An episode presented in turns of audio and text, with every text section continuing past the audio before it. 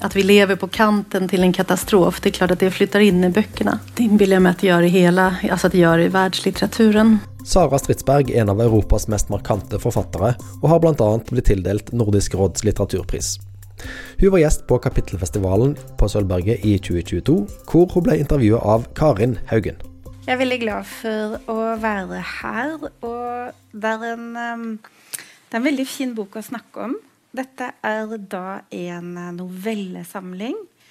Så det gir oss anledning til å komme inn på en rekke ulike ting. Samtidig så er den veldig stridsbergsk. Är den det? Ja, det er den. ja, det är jag som har skrivit den. Ja, Skal begrunne det etter hvert. Mm. Men jeg tenkte vi kunne begynne med tittelnovella som åpner uh, samlingen.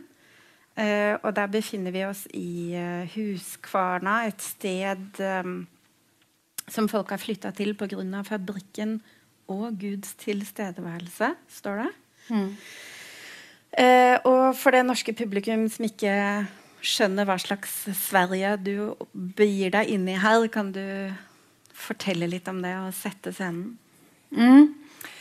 Eh, precis. Huskvarna är eh, en plats i södra Sverige, i Småland, som ligger i det så kallade bibelbältet. Jag vet inte om... Mm.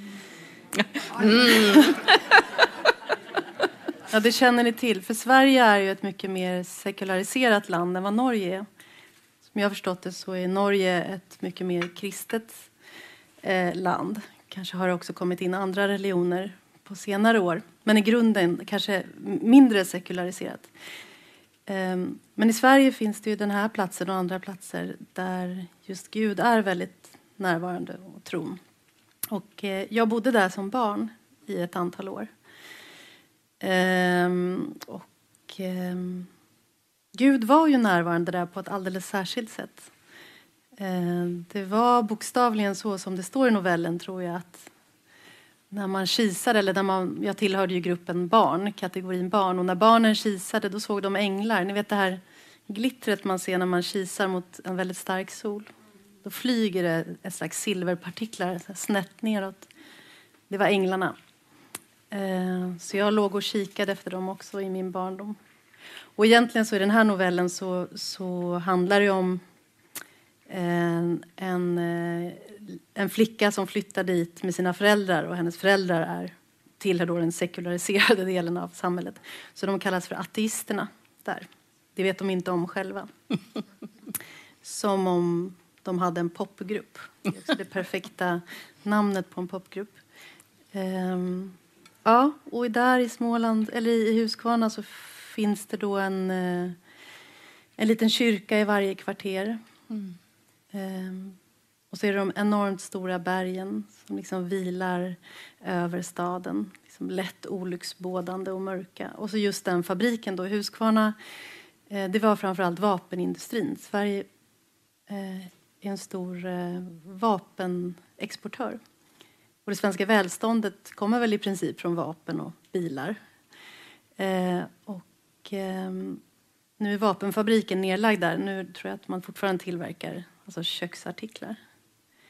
Men där var det då vap vapnen och Gud mm. eh, var det som härskade i den lilla staden. Mm. Och där eh, finns den här flickan och hennes vän Hunter eh, som är en pojke som räddar hundar och släpper ut dem i skogen. Mm. Och vars pappa sitter på parkbänkarna nere i centrum. Där brukar de sitta och samtala. Mm. Mm. Hålla hov. Och hålla hov, ja. Hans mm. pappa håller hov där. Mm. Ja, mm. något sånt. Alltså den fabriken som alla kom till blir lagt ned och du förlot Huskvarna men fortelleren blir værende där och senare så Alltså det är ett sted med dialekt och senare så ler de av dialekten hennes som mm. hon um, håller på det. Och så tänker hon att uh, vid sidan av dem eh, som har forlatt stedet, mm. følte jeg meg som et av Jon Bauers gamle troll. Mm. En ganske fin eh, livsfølelse å ha. Mm. Men um, er det, er det en, et sånt Sverige som er i ferd med å bli et forgangent Sverige, eller som er i knestående? Eller det er jo en ganske trykka stemning. Mm. Jo, men kanske Gud är på väg ut för den här tiden. Mm. det står i novellen att Gud har i resten av landet, eller i Stockholm som de kommer ifrån, ersatts av börskrascher och romantisk kärlek. Eh, och vapenindustrin vid den här tiden på 80-talet så är den inte riktigt på väg bort. Men vi som sitter här vet att den, den är på väg bort. Fabriken stänger. Eh, det kommer att vara en massa arbetstillfällen som går förlorade. Mm. Og så Apropos våpen, eh, våpen, og Gud, så opplever jo jeg deg som en forfatter som absolutt er forankra i det svenske. Mm. Men gjennom bøkene dine, og også i denne novellesamlinga her, så er det mye av det amerikanske. I den, disse novellene så drar vi bl.a. til Texas og til Detroit, som mm. Som vi kan snakke mer inngående om siden. Men, men først, hva er det ved USA som gjør at du i så mange tilfeller har blitt dratt mot det i din skriving? Ja, jag får alltid den frågan och jag känner mig alltid lika hjälplös inför den frågan. För att jag inte riktigt... Eh, det ärliga svaret är att jag inte vet, men just i den här eh, boken så, som du säger, det finns i två noveller. Eh, den ena novellen, Lone Star State, handlar om ganska mycket om dödsstraffet. Och det är klart, då kunde jag ha valt Teheran eh, lika gärna som Texas. Eh, men eh, det blev Texas. Men, men det, det, har att göra med dödsstraffet och kanske är det amerikanska dödsstraffet också en sån extrem... Eh, alltså I en sorts öppen demokrati så finns denna barbariska rest kvar, liksom, mm. sida med sida eh, med, med demokratin. Och eh, i den andra novellen, American Hotel, så, så handlade den eh, texten den handlar om... Så Detroit gick i konkurs 2009. Eh, och sen så... Ja, nu ligger det här en bit tillbaka i tiden. För jag skrev den här novellen för ganska många år sedan. Den har också blivit en pjäs som också heter American Hotel. Men då eh, hade Detroit, som ju ni säkert vet, blivit två. Alltså dels det intakta Detroit, som var en ganska välmående stad och det, den andra halvan som hade gått under.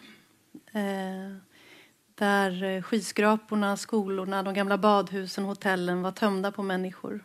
Alltså de människor som hade bott innan. De var inte tömda på människor, för det var andra människor som sen började leva i de här tömda byggnaderna.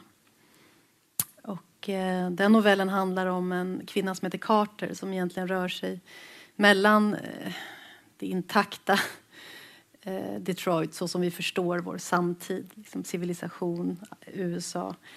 Eh, välmående människor. Så rör hon sig till det här andra, då, övergivna Detroit. Mm. Och då har hon egentligen en man i varje del. Hon har en Vladimir som bor i en övergiven sky, skyskrapa. Och allt han vill är att hon ska döda honom. Mm. Och sen så har hon Jack som bor i det välmående i en villa i det levande Detroit. Um, ja, så, att, så att jag tror att uh, båda de, i alla fall här, jag vet inte hur det varit tidigare, men i båda de här novellerna så är um, alltså Detroit är huvudpersonen och det råkar ligga i USA. mm. Detroit är en god huvudperson att välja sig, då, mm. vill jag säga. Men i den um, American Hotel-novellen så zoomar det också långt ut mm. på slutten. Och i de ödelagte bygningene og skyskraperne mm. som eh, Carter bor sammen med datteren eh, sin, som mm. hun er gjenforent med, så våkner de av og til av at det flyr en albatross mm. gjennom korridoren. Og så skriver du at om, eh, om, om, 500 år så er det ikke noe igjen av menneskenes verden. Mm. Eh, de store byene er feid tomme, og rovfuglene har inntatt flyplassene. Og rådyrene spaserer alene rundt på Michigan Avenue. Mm. Men jeg syns å merke en sånn um, At du skrur det til et hakk, og at det siver inn et sånt um, klimaperspektiv i teksten din i my mye større grad enn før. da. Mm. Jo, men jag tillhör ju resten av mänskligheten så att, eh, det är klart att den att vi lever på kanten till en katastrof. Det är klart att det flyttar in i böckerna. Mm. Det inbillar jag mig att det gör i hela, alltså att det gör i världslitteraturen. Mm. Mm. Men kanske också att jag alltid har alltså också motsatsen då längtat efter de där tomma platserna. Alltså jag har undrat så mycket, vad är civilisation? Vad är det här livet vi lever här? Det kan ju tyckas så, så fruktansvärt på många sätt. Den här världen och den här civilisationen då som vi har byggt. Um, att man kan längta efter att någonting ska gå sönder. Att naturen ska få ta över igen. Och att de där rådjuren ska få promenera omkring på Michigan Avenue. Sen, sen önskar ju inte mitt, eh, vad ska jag säga, mitt vardagliga jag är liksom oerhört rädd för att... Mm. Eh, alltså jag lever i en civilisation och känner mig väldigt skyddad av, av den. Eh, men jag har ofta dragits till de där platserna har jag märkt när jag skrivit, där det inte finns några människor. För att jag har fått för mig att människan blir som synligast. Det, jag tror Alexevich, Svetlana Aleksevich, den ryska författaren, eh, skriver att eh, det är i kärleken och i kriget som människan blir som mest synlig. Mm. Och eh, jag har ofta haft behov av att lyfta mina karaktärer liksom ut till de där ensamma platserna. Det har varit liksom övergivna stränder, öknar, eh, gamla vad heter det, welfare hotels, alltså mm. socialfallshotell tror jag de kallas i drömfakulteten. Mm. Som är ett sorts, ja, psyket jag har skrivit en del om, alltså en slags gränsstationer. Liksom. Mm. Ja, där är det lättare att få syn på människan än i det här, vad ska man kalla det för, chattret. Mm. Eh, det samtida chattret. Den glatta vardagen. Mm. Ja. Men um, uh, det er jo også sånn i, i uh, uh, Og nå må jeg passe meg for ikke å høres veldig reduksjonistisk ut. For at i dine bøker så er det jo helt klart det litterære som styrer, som tekstens behov som styrer. Det er jo ikke noe sånn enkel og programmatisk politikk som er føringa. Likevel så er jo um, hele forfatterskapet ditt, også disse novellene, um, befolka av mange løse fugler og skakk... Løse fugler? Nå får du oversette. Løse fugler. Ja. Eh, skakke skjebner, outsidere. Ja, okay. mm. Eh, og um, at du alltid har hatt et blikk for det da, og det mm. skadeskutte. Mm. At du er en slags sånn trasighetens trubadur mm. som, som, ser, som, ser, dem da, mm. med påtakelig mye kjærlighet. Um, og hva er det som gjør at uh, akkurat disse skikkelsene finner et hjem hos deg? Ja, dels är det nog för att jag har mött dem. Alltså, för att jag har haft dem i mitt liv har dem i mitt liv. De finns i min familj.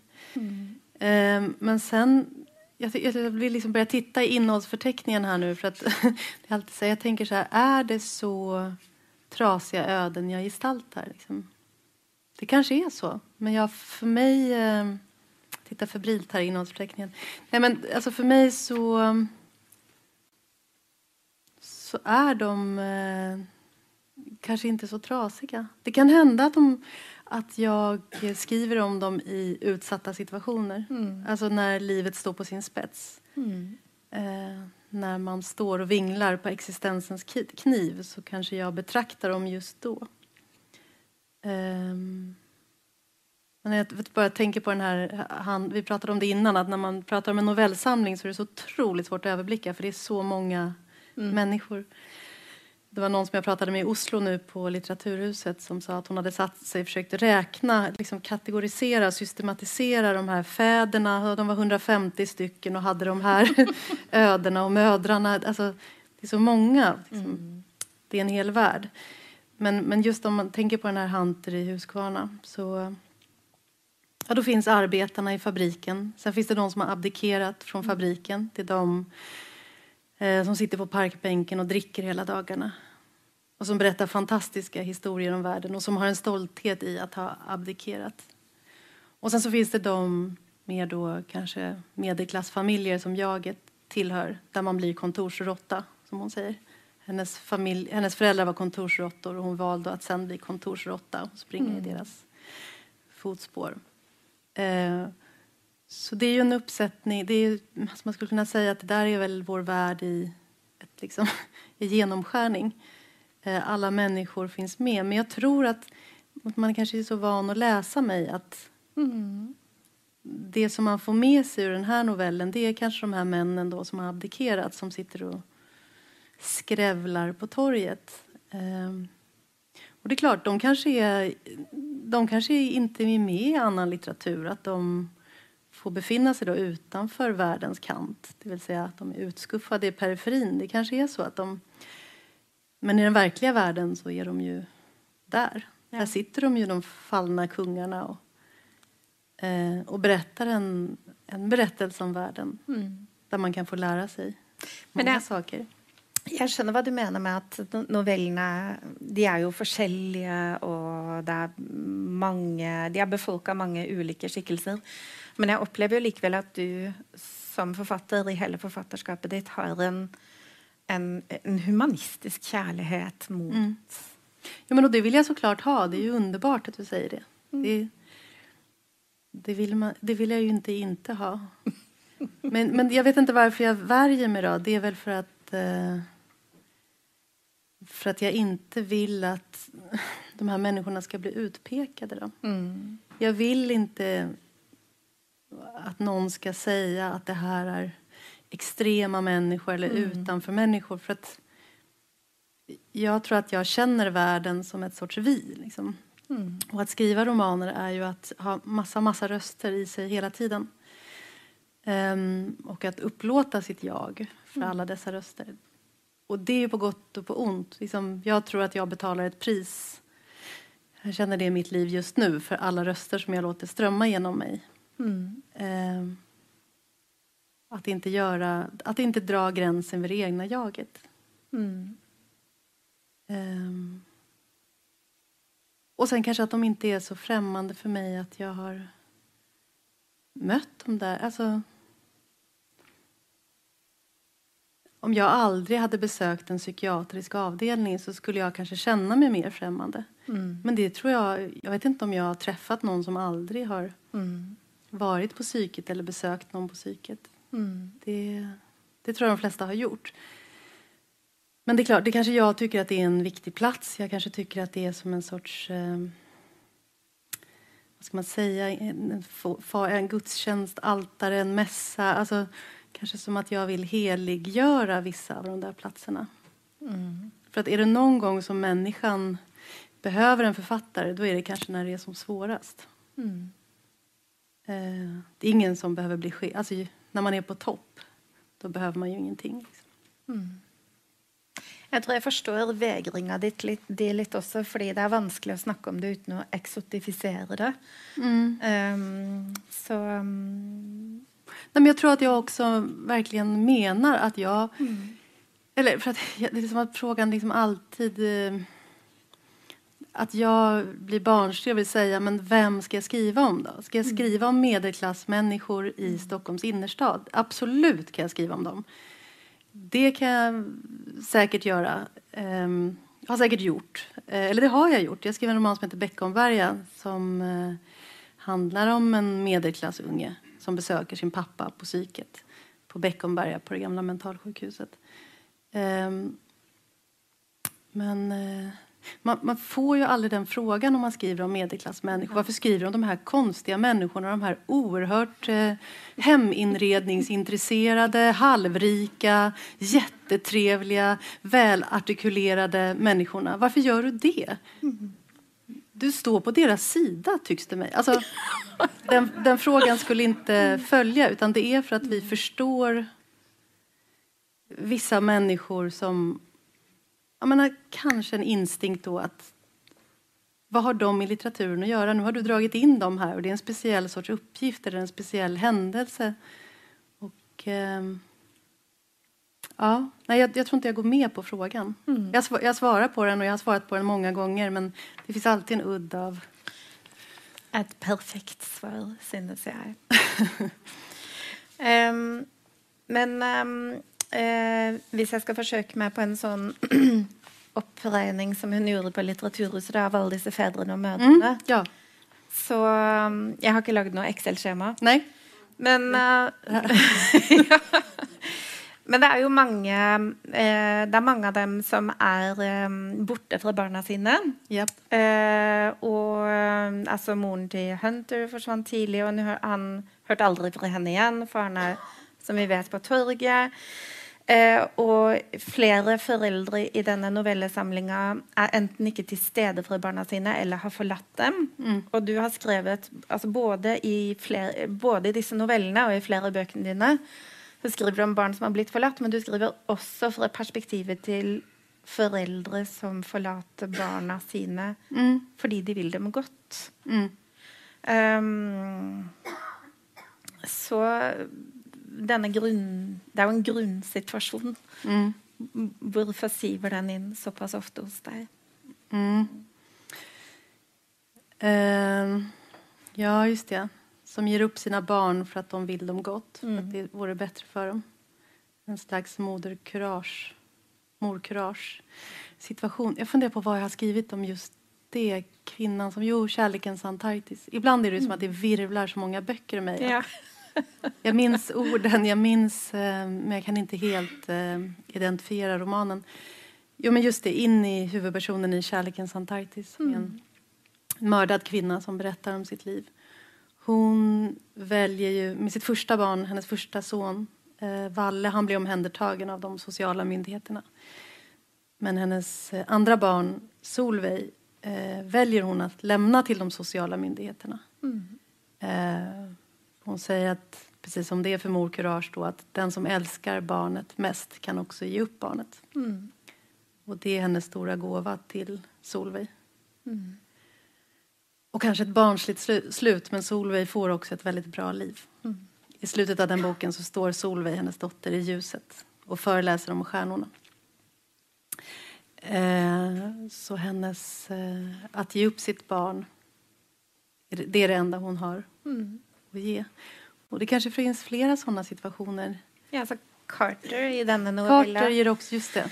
Hun vil også i, i novella 'American Hotel' vil også ja, gi fra seg sitt barn fordi hun tror det er bedre for henne. Mm. Ja, men den, den novellen slutar ju med för, för jag, att, hon, att hon är den som är kvar med sitt barn. I slutscenen så var den som vi just fick höra lite ifrån när hon ligger i en skyskrapa, hennes dotter ligger och sover, Storm heter hon. Ehm, och i denna tomma skyskrapa så föreställer hon sig hur, hur eh, jorden kommer se ut om 500 år efter att människan har lämnat den. När allting växer igen och rådjuren vandrar omkring på Michigan Avenue. Men när jag såg den eh, novellen som pjäs, den gick på Stockholms stadsteater, så när jag hade sett på premiären så var jag så... hela den där eh, novellen eller pjäsen handlade ju om... Alltså det är en sån otroligt ursprunglig längtan efter modern tyckte jag att jag såg själv liksom, utifrån. Det var jag som hade skrivit pjäsen men det var som att jag fick en sån stark upplevelse av det. För båda de här männen, Vladimir eh, och eh, vad heter han nu då, Jack. Båda de ger ju sina liv för att det här barnet ska få vara med sin mor. Vladimir tvingar till slut henne att döda honom. För han säger du kommer att komma tillbaka till mig om och om igen. Så du måste döda mig. Så hon skjuter honom till slut. Och eh, Jack, som är pappa till barnet, han eh, tar på sig skulden för det brottet. För att hon har dödat hans bror. Just det, de är också bröder de här två männen. De är också tvillingbröder de här två männen. Så eh, han tar på sig det brottet för att hon ska kunna vara med sin dotter. Så det är också en otroligt gammaldags eh, bild av föräldrar som jag har skrivit tror jag. Där modern är, återigen det här altaret, det är allt som liksom, att mor och barn ska återförenas, det är det enda som betyder någonting. Ehm, det blev jag så chockad när jag såg det, när jag hade sett den där föreställningen. Når du så det utenfra. Ja. Så, att, eh, så där slutar i alla fall med att hon, hon överger inte sitt barn. Hon får, möjlighet, hon får en andra möjlighet. Och, men det är klart att det där temat finns. Det, det ju, ju längre man skriver desto mer uppenbara blir vissa teman. det är som att ha polisen efter sig. Liksom. Till slut så, uh, så vet läsarna för mycket. Liksom. Och det går inte att ändra de där temana heller, verkar det som. Det... Men det, är också, det finns ju andra former för uh, omsorg och andra viktiga relationer än uh, mor, far och barn. Då. Mm. Och den, du har en novell som heter Valene hvor det er en uh, veldig, fin, veldig fine skildringer av en morfar og mm. forholdet hans til et barnebarn. Og jeg vil gjerne at du leser litt fra den. Mm. Men kanskje du skal fortelle litt mm. om grunnsituasjonen i novella først? Ja. Eh... Om jenta og hvalene. Eller kanskje du bare skal lese? Det bestemmer du. Jeg kan si noe. Um, eller ska jag säga något? Jag vet inte vad jag ska säga. Um, nej, men egentligen, jag kan säga att när min mamma, min riktiga mamma, var barn så såg hon en val. Berättade hon för mig en gång. Men hon är ganska fåordig så hon berättade inte så mycket mer än att hon hade sett en val.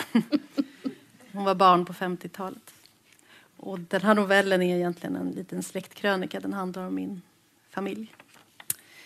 Eh, en sorts fantasi om det här mötet med valen.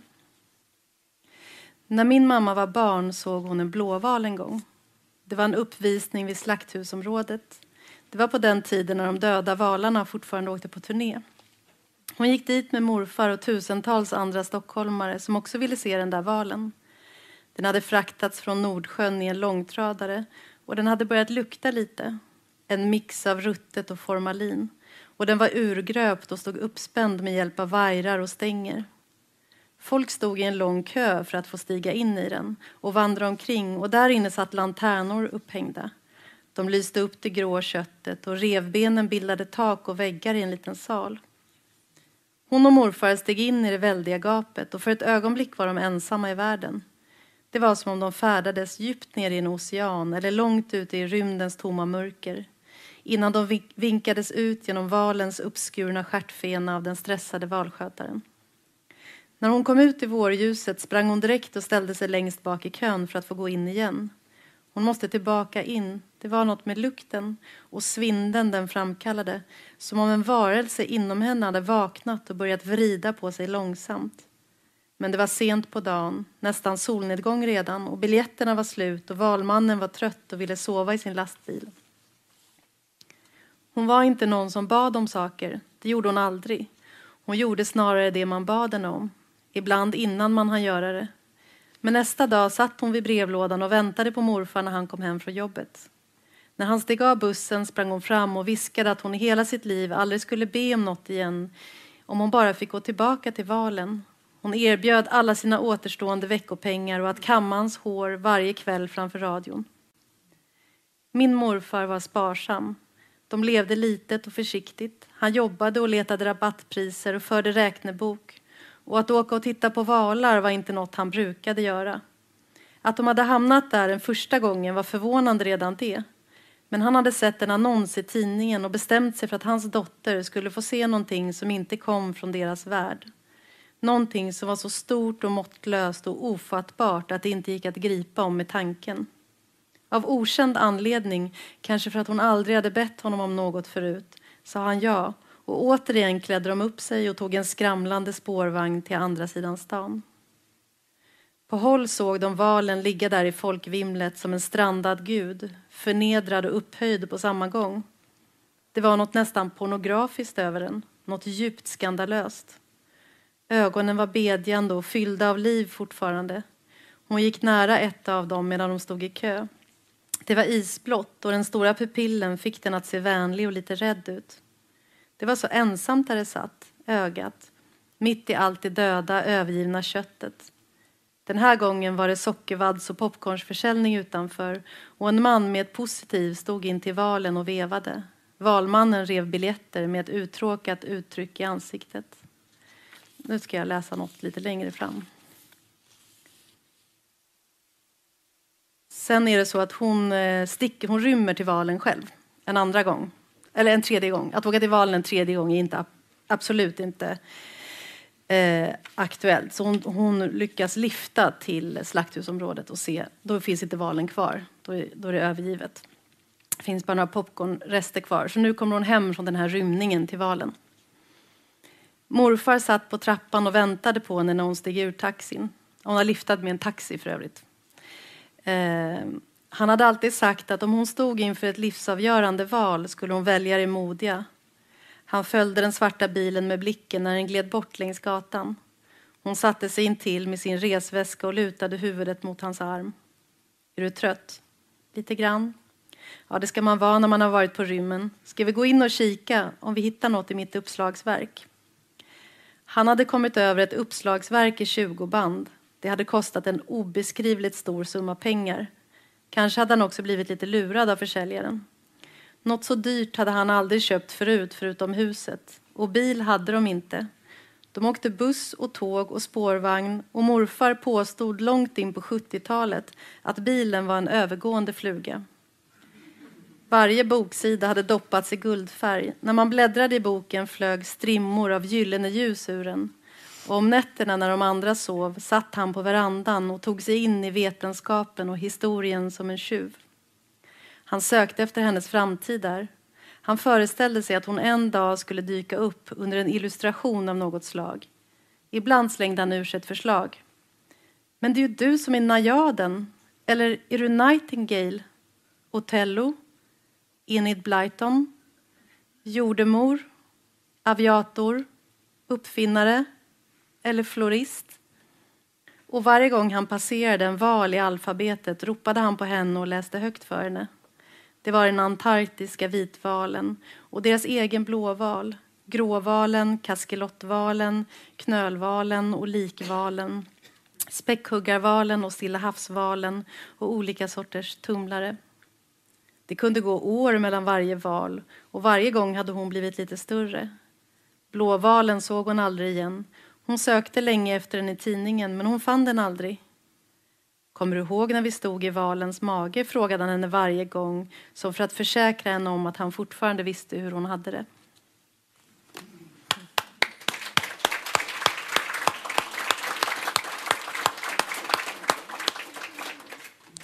Det är mina favoritpassager från mm. den novellen. Helt Jag fann dem.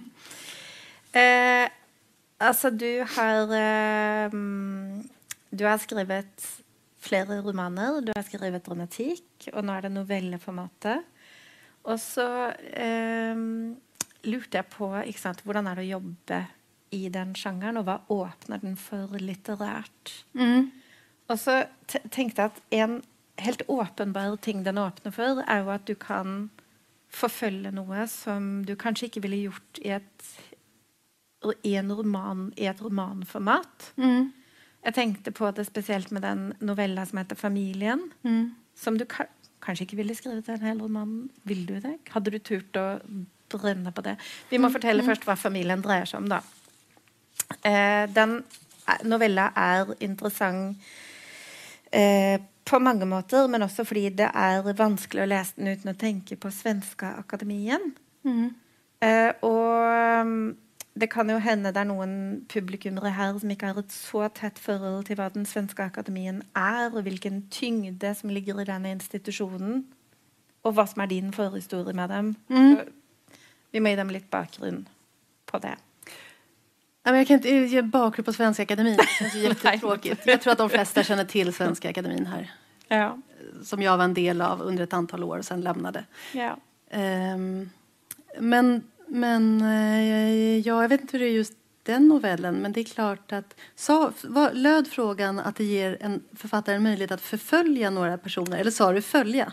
Eh, förfölja eller följa? Följa, ja. Okay, eh, förfölja var, var en, förfölja. bara en spännande tanke att, det är för, att man förföljer några personer mm. under ett antal år, att det är det man gör. Mm. Um, ja, jag hade nog velat vara alla, jag hade kunnat leva i familjen tror jag mm. i många år. Jag hade kunnat leva i den här Valarna i många år. Mm. För att jag delvis lever i Valarna i den roman jag skriver nu. Mm. Det liksom går i varandra. Um, men uh, det är ju någonting helt fantastiskt med det explosiva i novellen. Att det är som att få vara i en total explosion. Uh, som, uh, man brukar ju prata om ögonblicket när det gäller novellen men det ögonblicket är ju där i romanen också. Eh, Men eh, alltså det här är min sämsta gren, att liksom tänka kring novellen och romanen. Men upplevde du att det gav en frihet, formatet? Jag vet inte. Nej. Ja, ja, det, det är som att eh, när man skriver söker man alltid efter en plats där det går att skriva. Man söker alltid efter friheten. Liksom. Eh, att lyckas vränga sig ut ur världens liksom, mm. fängsel. Nu vill jag börja prata norsk. eh, att hitta ett sätt som det går att berätta på. Mm. Eh, kanske att det finns en intensitet som gör att det inte går att berätta mm. så länge. Jag vet inte, eller så gör det. Jag kanske hade kunnat leva i familjen i, i många, många år. Mm. mm. mm. Alltså det, eh, den eh, novella är um, eh, en slags fabel, kan man kanske mm. säga som ligner virkeligheten, men som ikke Den, er, den har noen gjenkjennelige eh, elementer. Eh, den beskriver en kvinne som er del av et selskap eh, for noen eldre herrer og et fåtall damer. Mm. og det er jo en, en, infam tone der i enkelte av beskrivelsene, da. Mm. Ehm, det finnes en keiser der, f.eks. Eh, som eh, Keiseren kom nå og da farende med septeret sitt. Han svingte det litt planløst foran seg, for så å dra hjem igjen. Og de beskrives også som at ingen i forsamlingen visste lenger helt hvorfor de var opphøyde, men de husket at de var det. Um, hvor um, Ja, du slipper deg litt løs her. Mm. alltså kejsare har vi ju i Sverige till att börja med. Han kallas ju för kung i Sverige. Så det där är ju en väldigt realistisk skildring i det, i det avseendet kanske. Ehm, och det var konungen som instiftade Svenska Akademin som skapade Dramaten och Operan. Ehm, men och vad gäller upphöjdheten så... Alltså nu har jag ju råkat tillhöra sällskapet Svenska Akademin. Ehm, jag har inte tillhört så många sällskap. Eh, jag har aktat mig lite för de litterära sällskapen eh, och försökt springa utanför dem. Eh, jag skrev en roman som heter Drömfakulteten. Då drömde jag om att springa utanför historien, att skriva en roman som skulle utspela sig utanför historien. Och när jag skriver så drömmer jag om att skriva liksom under alfabetet, springa rakt under hela alfabetet.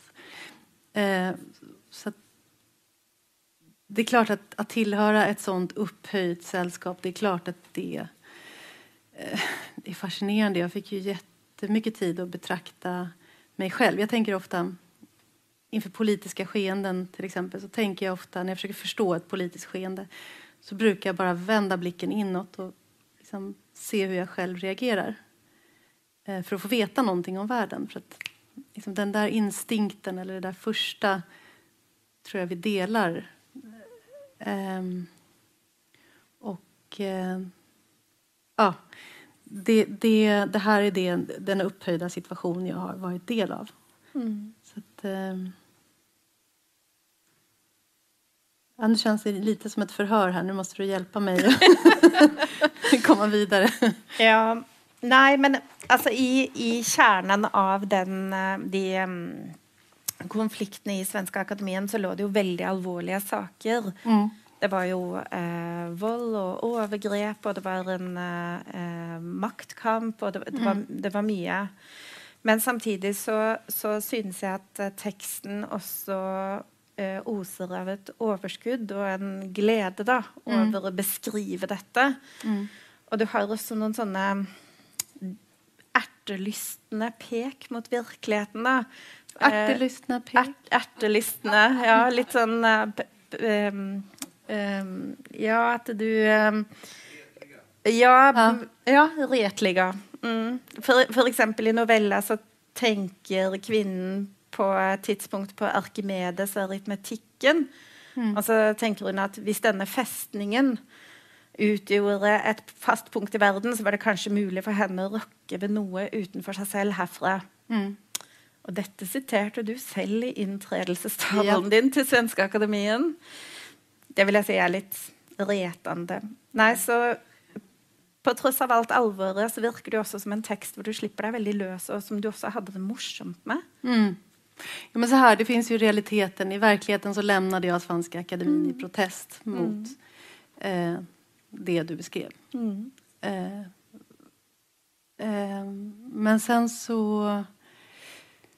När jag skriver, det kan ju låta naivt eller ansvarslöst, så följer jag också med en annan sorts rytm där, mm. dit jag måste...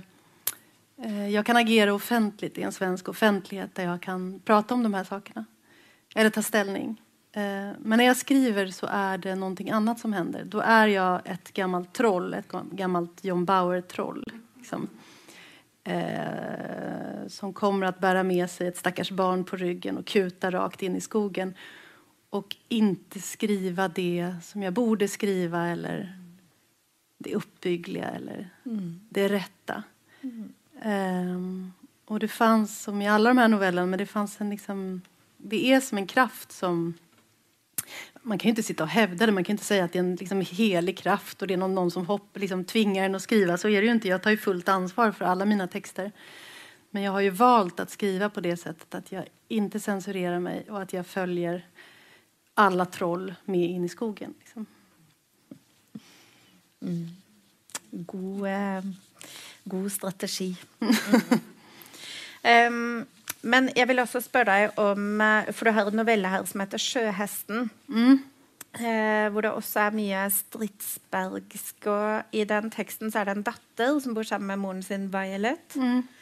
Og så sier, tenker hun datteren legger merke til at liksom, det kommer masse menn inn i huset som egentlig skal til eh, moren Violet. Mm. Men så kommer de med en forhåpning om at Violet skal bli deres. Men etter hvert så kommer den forbudte tanken om at hun, den mutte datteren, skal bli deres. Mm. Og så Det hun legger merke til, er egentlig ikke mennene som er interessert i henne, men hva den interessen gjør med henne. Mm. Eh, og hvordan det forandrer henne. At hun begynner å vende seg mot dem og vente på dem. Og du gir jo veldig gode litterære fremstillinger av den unge jentas møte med verden. Eh, også i novellen 'Vi er rovdyr', mm. som snakker med Nå må vi eh, forklare det nøye her. Mm.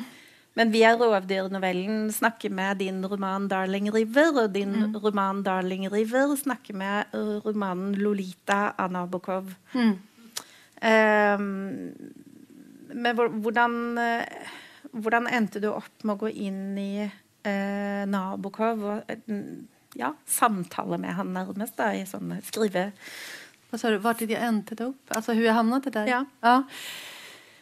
Eh, nu ska vi se, jag måste backa till Darling River. Jag ska bara säga också om, om Sjöhästen då att det är faktiskt den enda, tror jag, eh, i den här novellsamlingen som, had, som faktiskt är en eh, sorts roman. Jag tror inte att det är någon annan. Apropå om jag hade kunnat stanna i familjen mm. så länge så är Sjöhästen en, en roman som inte gick att skriva. Mm som jag skrev, det här var många, många år sedan, tio år sedan. Eller många, många år sedan, det var inte så många år sedan, tio år sedan var det. Och då skrev jag eh, kanske 200-300 sidor. Och sen drabbades jag av sånt fruktansvärt äckel inför det jag hade skrivit. Så att jag vände mig om. Hade jag, kunnat, hade jag varit Strindberg hade jag bränt upp skiten. Men nu allt blir kvar i datorn. Så jag vände mig om och gick åt andra hållet. Och jag har alltid längtat efter att liksom rädda den där sjöhästen. För det finns någonting i det som, jag, som var så viktigt. Mm. Det blev för svårt att göra en roman av det. Det kanske var för att jag redan hade skrivit Darling River. Mm. Jag vet inte. Um, just det, vi var rovdjur och jag hamnade hos Nabokov. Darling River skrev jag, den kom 2009 i Sverige. Och um, den är ett slags samtal med Lolita och Nabokov. Jag eh, skrev den, jag hade precis det är så otroligt svårt ibland att återkalla gamla böcker. Eh, men jag hade fött mitt första barn och jag hade drabbats av det biologiskt ganska brutala ödet som det innebär att föda ett barn. Och nu födde jag det här barnet i Sverige under liksom, i väldigt stor trygghet i en högt specialiserad sjukvård. Så det var ingen fara för mitt liv. Men hade jag fött honom någon annanstans så hade jag ju dött. Liksom. Mm. Just i den förlossningen hade jag inte överlevt. Liksom. Så det, jag kände en sån... att det snuddade vid mig, den där... I stora delar, inte i stora delar av världen, men i vissa delar av världen så led ju, jag tror att det var femte graviditet till kvinnans död. Nej, inte var femte, var femte förlossning kanske det och då räknar man in misslyckade aborter. Eh, och jag fick en rent fysisk eh, kontakt med den döden. Det var som att den snuddade vid mig, så som eh, döden gör under en förlossning. Den snuddar vid kvinnans kropp och går vidare. Liksom. Eller så stryker de med. Och då läste jag samtidigt så läste jag Lolita och kände ju till sådär som Lolita är. Som Lolita är ju, har ju blivit ett fenomen mer än en roman och folk får alltid något lystet i blicken. Vill jag fnissa lite inför begreppet Lolita. Mm. Eh, och eh, när jag läste den romanen och kom till dess slut, tror jag, eller om det är en fotnot i början där man får veta att Dolores Hayes, det vill säga Lolita, dör i barnsäng vid 17 års ålder i Alaska. Då var det som att... Alltså det var som att få stryk att läsa det.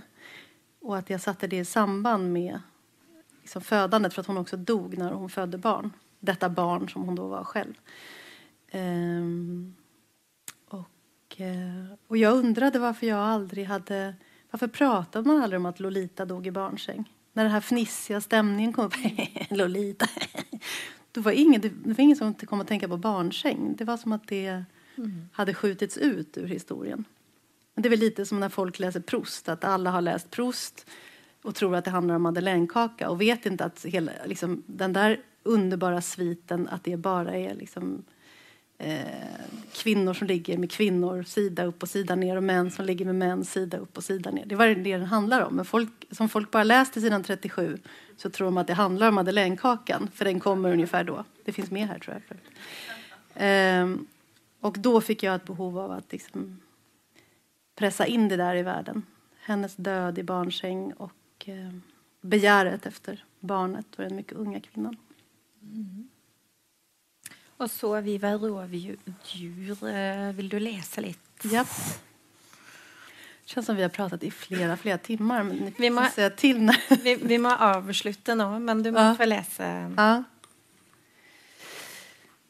Eh, det här är eh, en novell som... Eh, det är en flicka som lever i bilen med sin pappa sedan många år. Modern är försvunnen, som många andra mödrar. Då. Ehm, och de har färdats i den här bilen.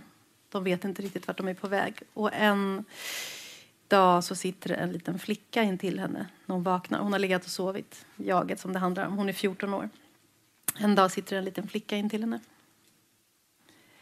En dag satt hon bara där i baksätet intill mig när jag vaknade ur min dvala.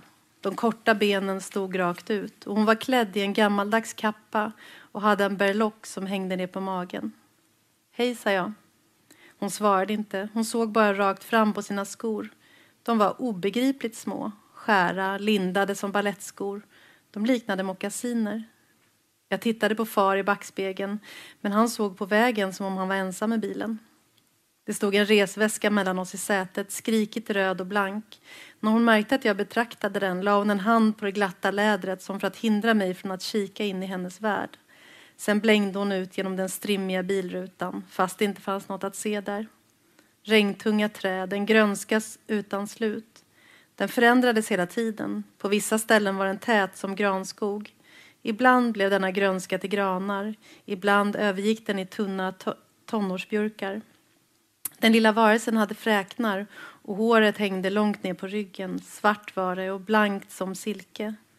Någon hade kammat det nyligen, såg det ut som, och dragit ihop slingorna närmast ansiktet i en liten knut på huvudet.